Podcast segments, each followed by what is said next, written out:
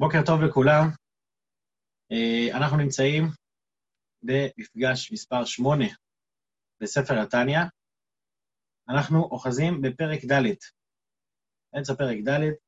מה דיברנו בשיעור הקודם? התחלנו לדבר על כך שיש לנשמה שלנו, לנשמה האלוקית, יש לה כוחות ויש לה לבושים. מה ההבדל בין הכוחות של הנשמה ללבושים של הנשמה? שהכוחות של הנשמה הם המהות של הנשמה עצמה. זאת אומרת, מה הנשמה מרגישה, מה היא, מה היא חושבת, מה היא uh, מתבוננת. זו הנשמה עצמה. והלבושים של הנשמה זה לא הנשמה עצמה, אלא זה דרכי הלבוש שלה, איך היא מתלבשת בעולם.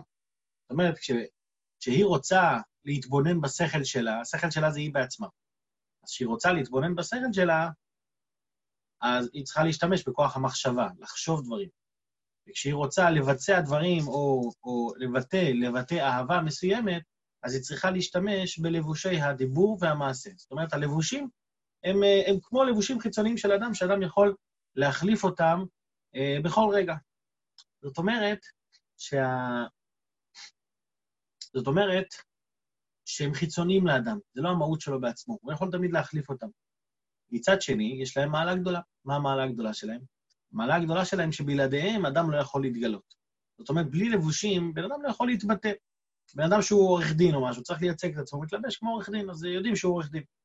לעומת זאת, בן אדם שהוא אה, אה, חייל, או בן אדם שהוא כל, כל דבר אחר, הוא צריך את הלבושים כדי להתגלות. ככה גם הנשמה. הנשמה, המהות שלה בעצמה זה עשרת הכוחות, חב"ד, חג"ד ונהים, והלבושים שלה זה הדרכי הביטוי כיצד, ה, כיצד הנשמה יכולה להתגלות בעולם.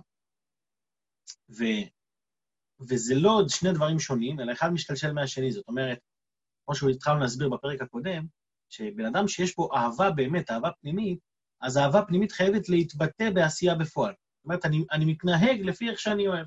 ואם אני לא מתנהג בצורה, זאת אומרת, אם זה לא גורם לי לבצע מעשים מסוימים, מעשים טובים, אז כנראה שגם האהבה שלי לא מושלמת עד הסוף.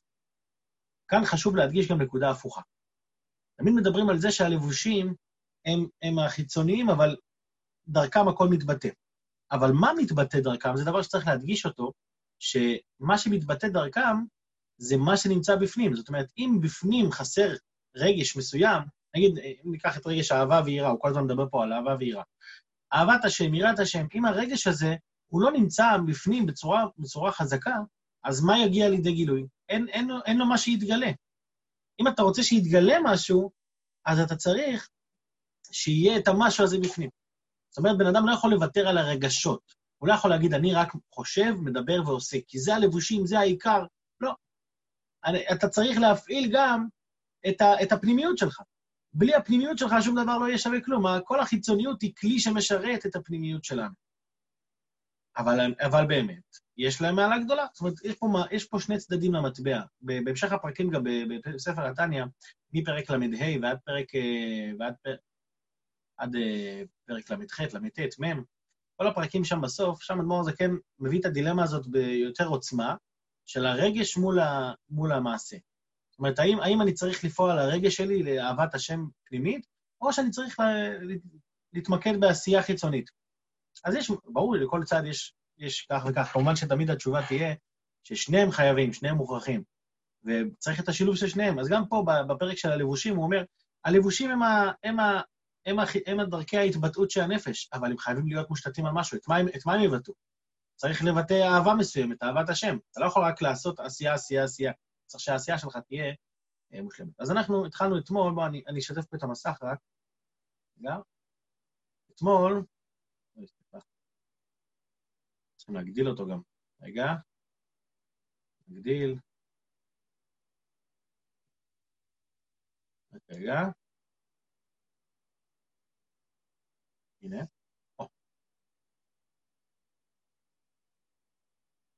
כאן הגענו. רק הגדיל את זה. יהיה בגודל נורמלי. קצת. יפה. אה, אז התחלנו לדבר על כך שיש אהבת השם, מה זה אהבה? רגש של אהבה פנימי, שהוא מוביל את האדם לעשייה, ויש רגש של יראה. מה זה רגש של יראה? רגש שמונע ממני עשייה שלילית. זה יראת השם. התחלנו לדבר אתמול שיראת שמיים זה לא לפחד מהשמיים שהשמיים יפלו עליי, אלא יראת שמיים זה שאני מרוב הערכה ומרוב תחושה של ריחוק, אני לא רוצה, אני לא רוצה למרות את, את, את דברי קודשו של הקדוש ברוך הוא. אז זה סוג יראה מסוים, זה נקרא, אה, הוא ירא למרוד, הנה כאן, הוא ירא למרוד במלך מלכי המלכים הקדוש ברוך הוא. ממשיך אדמו"ר הזקן ואומר, או יראה פנימית מזו, יראה יותר גבוהה מרק מפחד למרוד במלך מלכי המלכים, יראה פנימית מזו, שמתבושש מגדולתו למרות עיני כבודו. זה לא יראה, זה לא יראת העונש, זה לא יראת המרידה, נקרא לזה ככה, זה יראה, יראת, יראת הבושה. אני כל כך מתבייש מריחוק הערך ממני ואליו, שאני לא מסוגל לעשות משהו שהוא לא רוצה שאני אעשה. זה מה שנקרא מצוות לא תעשה. שמתבושש מגדולתו למרות עיני כבודו, ולעשות הרע בעיניו, כל תועבת השם אשר שנא. מה עם תועבת השם אשר שנא? הם הקליפות וסטרא אחרא, אשר יניקתם מהאדם התחתון, ואחיזתם בו בשסה מצוות לא תעשה. הקליפות והסטרא אחרא, הטומאה, דרגות הטומאה שנמצאים בעולמות העליונים, החיות שהם מקבלים זה מזה שהאדם עושה דברים לא טובים בעולם פה למטה. אז כשהם רואים, אז כל המצוות לא תעשה, המהות שלהם זה דרכי יניקה לקליפות וסטרא אחרא. אז כל מצווה, כל עבירה שאני עושה, אני בעצם נותן להם אחיזה, נותן להם מקום. אז אני צריך, אז לכן, לכן מה אומרים? שיראת שמיים, שאני מפחד, ממה אני מפחד? אני, אני מתבייש, אני לא מפחד. כשאני נכנס לחדר, ואני פתאום רואה בחדר הזה אדם גדול מאוד, נגיד, לא יודע, אם זה הראש ישיבה שלי, אם זה הרמטכ"ל, אם זה ראש הממשלה, אז זה דוגמאות, אה, דוגמאות נמוכות, כן? אבל אה, תמיד מדברים על זה שכשאתה נכנס לחדר, פתאום תחשבו שאתם רואים את הרבי מלובביץ' מולכם. אז אתה לא מפחד עכשיו שהוא יעשה לך משהו לא טוב, אתה לא מפחד ממנו. זה נקרא יראת בושת. הבושה כל כך גדולה, מי אני בכלל? מי אני שאני עומד כאן? באיזה זכות אני נמצא פה? זה, זה יראת הבושת. זה בושה. ואני מתבייש כל כך שאני לא ארצה לעשות שום דבר שה, שהרבי לא רוצה ממני. אותו דבר בנמשל, אתה מתבייש כל כך מהריחוק הערך בינך לבין אלוקים, שאתה לא תרצה לעשות משהו שהוא נגד רצונו. והנה, שלושה לבושים אלו מהתורה ומצוותיה, דיברנו על כך שהלבושים האלה הם לבושים של הנפש האלוקית, שדרכם הנפש האלוקית מתגלית, מחשבה, מחשבה בלימוד תורה, דיבור בתורה ודיבור ב- בעשייה, וגם מעשה, מעשה שהוא מעשה המצוות. אז שלושה לבושים אלו מהתורה ומצוותיה, אף שנקראים לבושים לנפש רוח ונשמה, עם כל זה גבהה וגדלה מעלתם לאין קץ לסוף על מעלת נפש רוח ונשמה עצמם. כאן עכשיו הוא עובר לדבר על המעלה העצומה שלהם. זאת אומרת, נכון שעד עכשיו הוא דיבר שהם חיצוניים, הם חיצוניים והם רק לבושים, והם כביכול פחותים, אבל עדיין הלבושים, הכוח של הלבושים הוא כל כך נעלה. אל יגיד אדם לעצמו, בסדר, מה זה מחשבה, דיבור ומעשה? זה הכוחות הנמוכים של הנפש. לא, לא, לא, לא, לא. אפילו שהם כוחות חיצוניים, הכוח שלהם הוא הרבה הרבה יותר נעלה. בואו נקרא קצת, אחר כך אני אביא לזה אולי איזה שני משלים. כמו שכתוב בזוהר, דאורייתא וקודשא בריחו, כול אחד. התורה והקדוש ברוך הוא זה דבר אחד. פירוש, דאורייתא היא חוכמתו ורצונו של הקדוש ברוך הוא. מה זה התורה? התורה היא החוכמה של הקדוש ברוך הוא. והקדוש ברוך הוא בכבודו ובעצמו, כל אחד, זה הוא וחוכמתו אחד, זה כבר אמרנו בפרק א', כי הוא היודע והוא המדע וכולי, מה שהרמב"ם כתב, כמו שכתוב לעיל בשם הרמב"ם. זאת אומרת, שכשמדברים על התורה של הקדוש ברוך הוא, זה לא יש את הקדוש ברוך הוא ויש את התורה. לא, הוא זה התורה. הוא, זה, הוא והתורה זה דבר אחד. ואז קורה פה דבר מעניין, לפני שנקרא את זה בפנים, קורה פה דבר מעניין. כשה, כשאני לומד תורה, אני בעצם, למי אני מתחבר? לקדוש ברוך הוא בעצמו. איך אני לומד תורה? לא מספיק שיש לי את כוחות השכל, אני צריך להשתמש בלבוש המחשבה. כשאני מקיים מצווה, מצווה זה רצונו של הקדוש ברוך הוא, אני משתמש בלבוש המעשה. זאת אומרת, אם נניח, אם נניח היינו אומרים, טוב, זה חיצוני, הלבושים זה חיצוני, בואו נבטל אותם. בואו, לא צריך אותם, מספיק לי הכוחות. לא היה לכוחות שלי את האפשרות להתחבר לאינסוף הזה. כי, כוחות, כי הכוחות הפנימיים, הם לא יכולים לבצע לבד. בלי לבוש המעשה, אתה לא יכול, אתה לא יכול להניח תפילין רק ב, ב, ברגש שבלב. לא, זה לא עובד ככה, אתה צריך לעשות. אתה לא יכול לדבר בדברי תורה אם אין לך דיבור. יכול להיות שיש לך את השכל שמתאים לזה, אבל אתה צריך את, ה, את הלבוש בפועל בשביל להגיע ולהתחבר לאור אינסוף הזה. זה מה שנקרא, יש במקומות אחרים, נעוץ תחילתם לסופן, שלפעמים דווקא הדרגה הנמוכה, כמה שהיא נראית לנו נמוכה, אבל דווקא היא תופסת את המהות הפנימית של האלוקות. בואו נמשיך לקרוא. ואף שהקדוש ברוך הוא נקרא אין סוף לגדולת, אין סוף. הוא אין סופי, אין לו בכלל הגבלה. אז איך אתה אומר לי, איך אתה אומר לי שמה, שבפרטים הקטנים אתה תופס אותו, הרי הוא אין סוף, ולגדולתו אין חקר. ולית מחשבה ואין שום מחשבה תפיסה ושיכולה לתפוס אותו ולהשיג אותו, כלל. וכן ברצונו וחוכמתו, כדכתיב, כמו שכתוב, אין חקר לתבונתו. לא משנה כמה תחקור, אתה לא תשיג את התבונה שלו, וכתיב, החקר אלוקה תמצא, וכתיב, כי לא מחשבותיי מחשבותיכם. זאת אומרת, אתה, אתה לא יכול להשיג את המחשבות של הקדוש ברוך הוא. אז איך בכל זאת אתה אומר לי שדווקא על ידי הלבושים אתה משיג את הקדוש ברוך הוא בעצמו, שזה כל כך חיצוני? אז אתה, אתה אומר שהוא אין סוף ואין חקר לתבונתו, ובכל זאת על ידי העשייה אני תופס אותו? מה התשובה היא? דיברנו על זה גם בשיעור הקודם. התשובה היא שהוא החליט ככה, שהוא החליט שדווקא בעשייה אתה תופס אותו. בגלל שאתה לא יכול להבין אותו, אתה גם לא תוכל להבין למה דווקא בעשייה אתה תופס אותו. אבל זה מה שהוא כותב, הוא כותב, כשהוא כותב, כשאתה עלויות על ידיך והיו לטוטפות בעיניך, אז הוא אומר, אומר לך בעצם, שמע, עם זה אתה מתחבר אליי. הנה, על זה אמרו במקום שאתה מוצא גדולתו של הקדוש ברוך הוא, שם אתה מוצא ענוותנותו. זאת אומרת, איפשהו אין סוף, דווקא שם אתה מוצא ענוותנותו, מה, מה זאת אומרת? שהוא מצליח להלביש ולצמצם את עצמו, וצמצם הקדוש ברוך הוא רצונו וחוכמתו, בתרי"ג מצוות התורה ובהלכותיהן, ובצירופי אותיות, תנ"ך ודרשותיהן שבאגדות ומדרשי חכמינו ז"ל. למה הוא עשה את זה? בכדי שכל הנשמה, או רוח ונפש, למה הוא אומר פה הנשמה? כי הנשמה זה החלק של השכל בנשמה, כן? יש לנו נפש, רוח או נשמה. נשמה זה שכל, רוח זה מידות ונפש זה המעשה. הוא מתחיל עם הנשמה כי הוא מדבר פה על, על דברי תורה. בכדי שכל הנשמה, או רוח ונפש, שבגוף האדם, תוכל להשיגן בדעתה, ולקיימן כל מה שאפשר לקיים מהן, במעשה, דיבור ומחשבה. ועל ידי זה תתלבש בכל עשר בחינותיה בשלושה לבושים אלו. כאן אנחנו רואים יסוד ממש חזק. הלבושים החיצוניים האלה יכולים להשפיע על, ה... על הכוחות שלי, על הפנימיות שלי. זאת אומרת, דברים שהפנימיות עצמה לא יכולה להשיג לבד, הכוחות הפנימיים לא יכולים להשיג לבד, דווקא על ידי עשייה הם יקיימו. יש במאמר שהרבי מדבר על זה, ניתן, ניתן לזה אולי משל קטן, שהרבי מביא שני משלים. הוא אומר, כשבן אדם, כשבן אדם, אה, אם ניקח בן אדם אכזרי, והבן אדם האכזרי הזה, אנחנו נגיד לו, תעשה עכשיו הרבה מעשי חסד. רק מעשי חסד, מעשי חסד. בסופו של דבר, ככל שהוא יעשה הרבה הרבה מעשי חסד, אז הוא גם יהיה עדין יותר, נכון? זה גורם לו להשתנות. מאמר המוסגר, יש, הרבה פעם אמר שיש שלושה דברים שמשנים את האדם. אה, איך הוא אמר? כסף, אה, וודקה וחסידות. אמר, כסף הופך את האדם למשוגע. אתה רואה שבן אדם יש לו הרבה כסף והוא לא משוגע. כנראה שאין לו מספיק, תוסיף לו עוד, תוסיף לו עוד, בסוף הוא גם משתגע. חס ושלום, כן?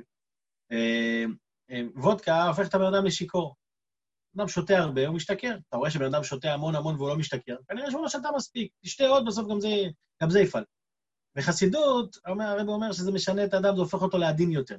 אה, אנחנו לפעמים רואים אנשים שלומדים חסידות ונשארים אה, מגושמים. כנראה שהוא לא למד מספיק חסידות. תלמד עוד חסידות, בסוף גם אתה תהיה עדין יותר.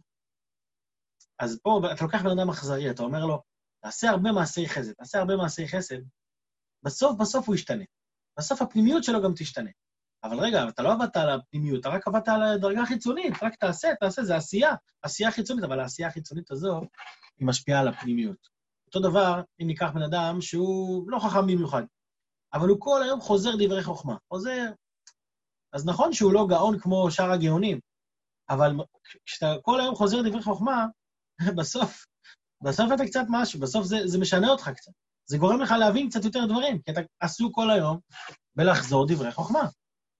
אז אנחנו רואים את הכוח שיש לחיצוניות להשפיע על הפנימיות. בן אדם אומר לפעמים, אני, אני לא אתחיל ללמוד עד שאני לא אהיה חכם וגאון. אני, אני קודם כל צריך להיות גאון, אחר כך אני אתחיל ללמוד תורה ועניינים. לא, לא, לא. תתחיל ללמוד, זה, זה הולך הפוך הסדר. תתחיל ללמוד ואז זה ישפיע עליך. או בן אדם אומר, אני, מי אני שאני אעשה עכשיו מעשה חסד? אני, מי אני, מה אני? אין מי אני, מה אני. המעשה החיצוני הזה שאני עושה, אני משפיע על הפנימיות שלי, אני משנה את הפנימיות שלי אפילו. אז גם פה, יש לנו את הכוחות והלבושים. הכוחות זה פנימיות הנפש, אבל בלי הלבושים, הכוחות לא יוכלו להשתנות. בן אדם שרוצה לעבוד על המידות שלו, תתחיל מהלבושים. תתחיל מהחיצוניות. תתחיל מהדברים שהם כביכול חיצוניים. אבל מה? לא לשכוח את מה שכתוב בתחילת הפרק. מה שכתוב בתחילת הפרק זה שזה לא מספיק רק להיות חיצוני. זה צריך, צריך להיות לזה גיבוי בפנים. צריך להיות איזשהו רגש של אהבת השם. צריך להיות שכל. צריך למצוא את הדברים הנכונים במה להתבונן כדי לעורר את האהבה הזאת, את האהבה להשם, או את היראה מהשם. אבל לא לתת לזה להיות תנאי בשביל, בשביל להתחיל לעשות מה שצריך. העשייה, המעשה, הדיבור, המחשבה, הלבושים האלה, החיצוניים האלה, הם משנים את האדם, את הפנימיות שלו. זה חידוש עצום, לשנות את הפנימיות על ידי החיצוניות. ולכן, נמשיך אדמו"ר הזקן, ולכן נמשלה התורה למים. מה מים יורדים ממקום גבוה למקום נמוך? יש טבע במים שהם תמיד ניגרים, הם תמיד בתנועה, תמיד בתנועה למטה. וגם כשהם יהיו על סלע, הם בסוף יחלחלו אותו. כך התורה ירדה ממקום כבודה, שהיא רצונו וחוכמתו יתברך. תורה את אלוקות שברוך הוא כול אחד. התורה והקדוש ברוך הוא זה דבר אחד. בלית מחשבה תפיסה בכלל, אין שום מחשבה ש... שתופסת בו. ומשם, זאת אומרת, התורה היא מחלחלת ויורדת, היא ירדה מעולמות עליונים ש... הרי אמרנו שהתורה היא רצונו של הקדוש ברוך הוא, והיא ירדה איך שהיא. זה גם מה שיפה במים. המים לא משתנים. אותם מים שהיו למעלה, שהתחילו את המסע שלהם והתחילו לטפטף למטה, אותם מים יגיעו, אולי הם יגיעו יותר מזוכחים, יותר שונים, אחרי שהם עברו בסלעים, אבל בסוף, בסוף זה מים. אותם מים שהיו למעלה ירדו למטה, גם התורה. אותה תורה שהייתה למעלה ירדה למטה. כשבן אדם תופס את התורה, לומד את התורה, הוא לומד את אותה תורה שירדה מלמעלה. את אותה תורת השם הנעלית, אותה הוא תופס. מה קרה לאותה תורה? ומשם נסעה וירדה בסתר המדרגות, ממדרגה למדרגה, בהשתלשלות העולמות. היא משתלשלת ומשתלשלת עד שנתלבשה בדברים גשמיים בענייני העולם. זה כמו שאמרנו על, ה, על המים שעברו בדרך הסלע. נכון שהם קיבלו קצת דברים בדרך, אבל זה אותם מים שהתקב... שקיבלו את הדברים האלה בדרך. אז התורה ירדה, היא התלבשה בדברים גשמיים, התורה פתאום מדברת איתי על אה, שור שנגח את הפרה, או, או איזה מלאכות אפשר לעשות, אי אפשר לעשות, כביכול יורדת לדברים, לפרטים קטנים. אבל, אבל מה יורד לפרטים הקטנים? התורה עצמה, האלוקות עצמה. שהוא וחוכמתו, הקדוש ברוך הוא וחוכמתו זה דבר אחד, אז הקדוש ברוך הוא בעצמו נמצא באותה תורה כשאני לומד. אה, עד שנתלבשה בדברים גשמיים בענייני העולם הזה, שהן רוב מצוות התורה. רוב מצוות התורה ככולם, בהלכותיהם. ובצירופי אותיות גשמיות בדיו על הספר, 24 ספרים שבתורה, הוא מדגיש פה עד כמה זה נהיה מוגבל כביכול. אותה תורה לא מוגבלת, ירדה והוגבלה פה בעולם, אבל זו הייתה הגבלה רצונית של הקדוש ברוך הוא. זה הוגבל אותיות גשמיות, דיו על ספר, דווקא 24 ספרים שבתורה ונביאים וכתובים. למה זה קרה כל זה? למה הקדוש ברוך הוא הגביל את כל התורה שלו? כדי שתהא כל מחשבה, תפיסה בהם, כדי שיהיה לבן אדם ערך והשגה דווקא ב, ב, בלימוד התורה. ואפילו מבחינת דיבור ומעשה שלמטה ממדרגת מחשבה, זה, זה, זה דבר נחמד, תמיד אומרים, שכל פעם שלאדמו"ר הזקן יש דוגמה להביא מה זה מצווה והכוח שלה, תמיד הוא ידבר על מצוות תלמוד תורה. לא תמיד, אבל ברוב המקרים הוא מדבר על מצוות תלמוד תורה. כי לימוד, ועל ידי לימוד אתה תופס את, ה... את הקדוש ברוך הוא בעצמו כביכול. תכף אנחנו נראה את זה גם בפרק ה', שם הוא מרחיב על זה הרבה יותר, אבל פה הוא מביא את זה כדרך אגב כביכול. גם כשהוא מדבר דרך אגב, הדוגמאות שלו בדרך אגב יהיו דוגמאות של לימוד תורה. אז הוא אומר ככה, אז למה התורה הוגבלה וירדה? כדי שבן אדם יוכל להשיג אותה. עכשיו, לא רק, לא רק התורה, החלק העיוני שבה, אלא אפילו מבחינת דיבור ומעשה שלמטה עם מדרגת מחשבה, תישא בהן ומתלבשת בהן. ומאחר שהתורה ומצוותיה מלבישים כל עשר בחינות הנפש, וכל תרי"ג איבריה, שכן, שהנפש של האדם, מראשה ועד רגלה, הרי כולה צרורה בצרור החיים את השם ממש. אבל כשאני לומד תורה, כשאני מקיים מצווה, אני המצווה עוטפת אותי, זה נהיה חלק ממני, זה מתאחד איתי, זה מתחבר לאדם. כולה, כן, כולה, כל הנפש של האדם, צרורה בצרור החיים את השם ממש.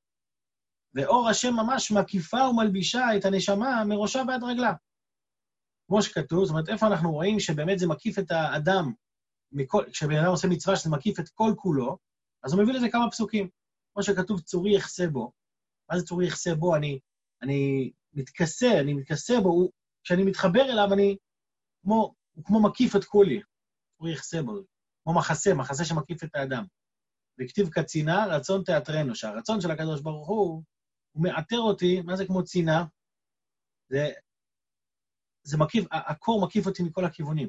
אז ככה גם הרצון של הקדוש ברוך הוא, כשאני מקיים אותו, הוא מקיף אותי מכל הכיוונים.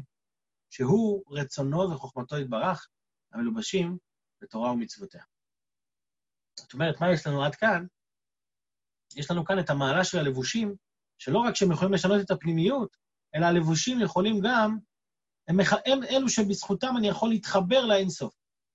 דווקא על ידי הלבוש המעשה הזה, מעשה פשוט של מצווה, או דיבור בדברי תורה, או מחשבה שאני מתבונן בדברי תורה, הדברים האלה גורמים לאלוקות להקיף אותי מכל הכיוונים. כשאני מבין את הדבר הזה, את הכוח של הדברים הנמוכים כביכול, לאן זה מוביל אותי ההכרה הזאת, לכן אמרו, אמרו, אני ממשיך לקרוא בפנים, לכן אמרו, יפה שעה אחת בתשובה ומעשים טובים בעולם הזה, מכל חיי העולם הבא. איך יכול להיות ששעה אחת בעולם הזה שווה יותר מכל העולם הבא?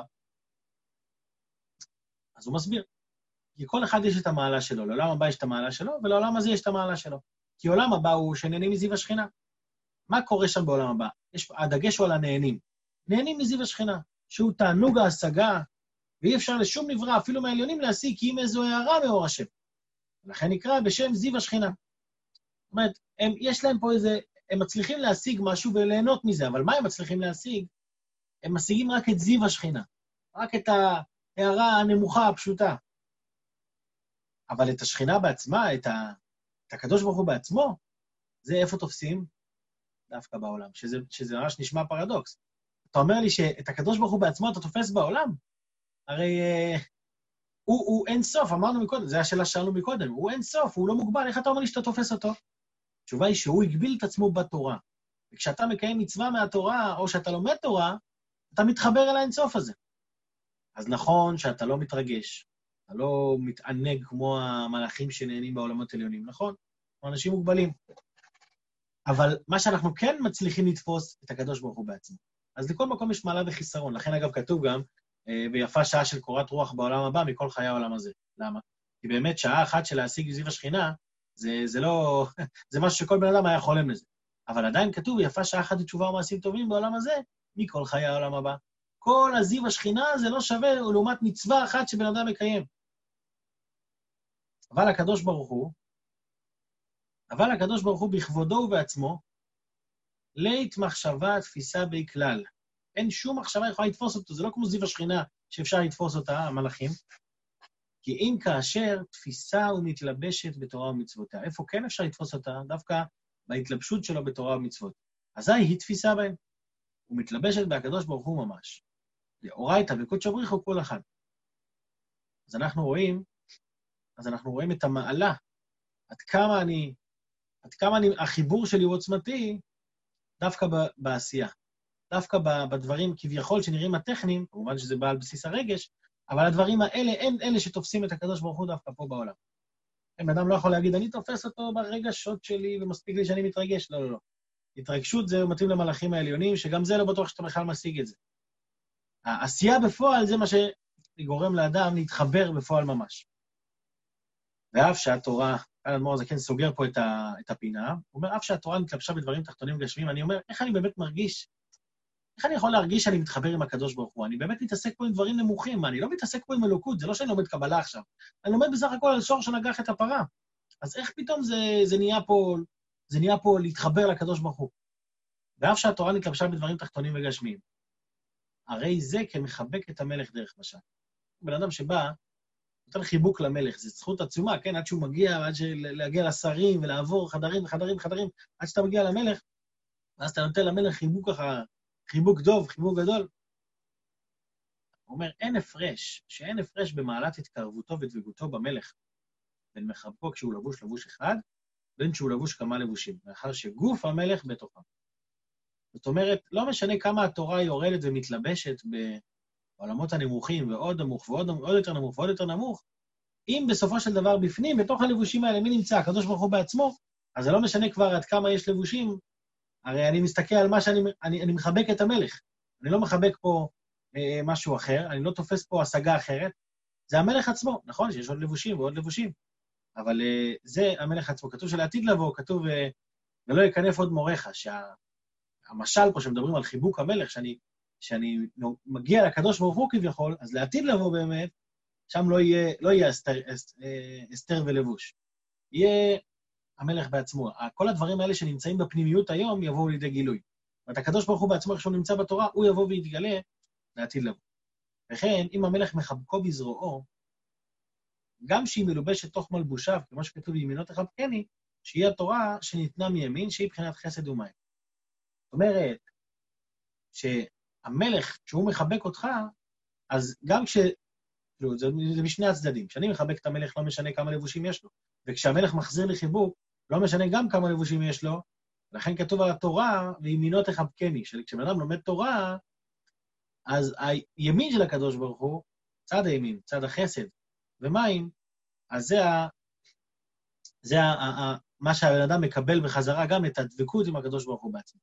אז לסיכום, פרק ד', מה שלמדנו כאן, יש לנו בעצם את המושג של לבושי הנפש. הלבושים החיצוניים האלה, אגב, הלבושים האלה, בגלל שאני יכול, כמו לבוש, אני יכול להוריד ולהחזיר כל הזמן, זה גם השטח הכי חזק. למה חשוב לי לדעת שיש לי כוחות ויש לי לבושים? כי איפה המלחמה שלי מתנהלת תמיד? הם תמיד התנהלו בלבושים. המלחמה של האדם בין היצרים שלו, בנפש האלוקית לנפש בעמית, היא תמיד תתקיים על השטח הזה. כי אני יכול יום אחד להשתמש בלבוש המחשבה שלי למשהו חיובי, ללימוד תורה. אני יכול להשתמש בלבוש המחשבה שלי למשהו אחר, סתם ללמוד תואר או משהו. או גם לבוש המעשה. היום אני יכול לעשות מצווה, מחר אני יכול לעשות uh, משהו אחר. אני, uh, אני יכול לעשות עם זה חסד, ואני יכול גם להזיק עם זה לבן אדם. הלבוש הוא כל כך חיצוני, לבוש תחליפים כתוב זה, הלבוש הוא, תנוע, הוא תנועתי כל הזמן. ולכן עליו דווקא עיקר המלחמה נמצאת.